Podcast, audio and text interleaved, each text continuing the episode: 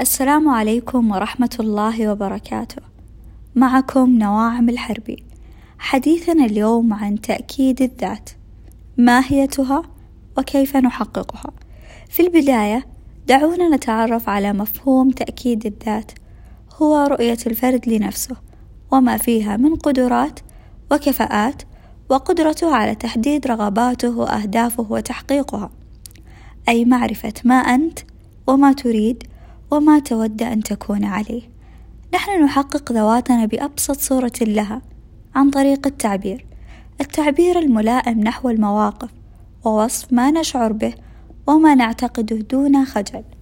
حتى وإن كانت تلك الأفكار والمعتقدات تتنافى فيما مضى عن أفكار سابقة كنا نتبناها.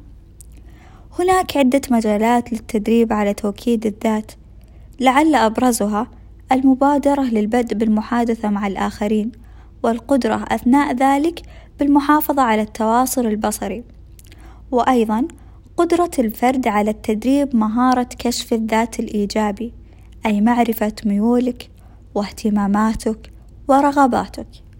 وتذكر دائما أن تقدير الآخرين لك لا ينبع إلا من تقديرك لذاتك.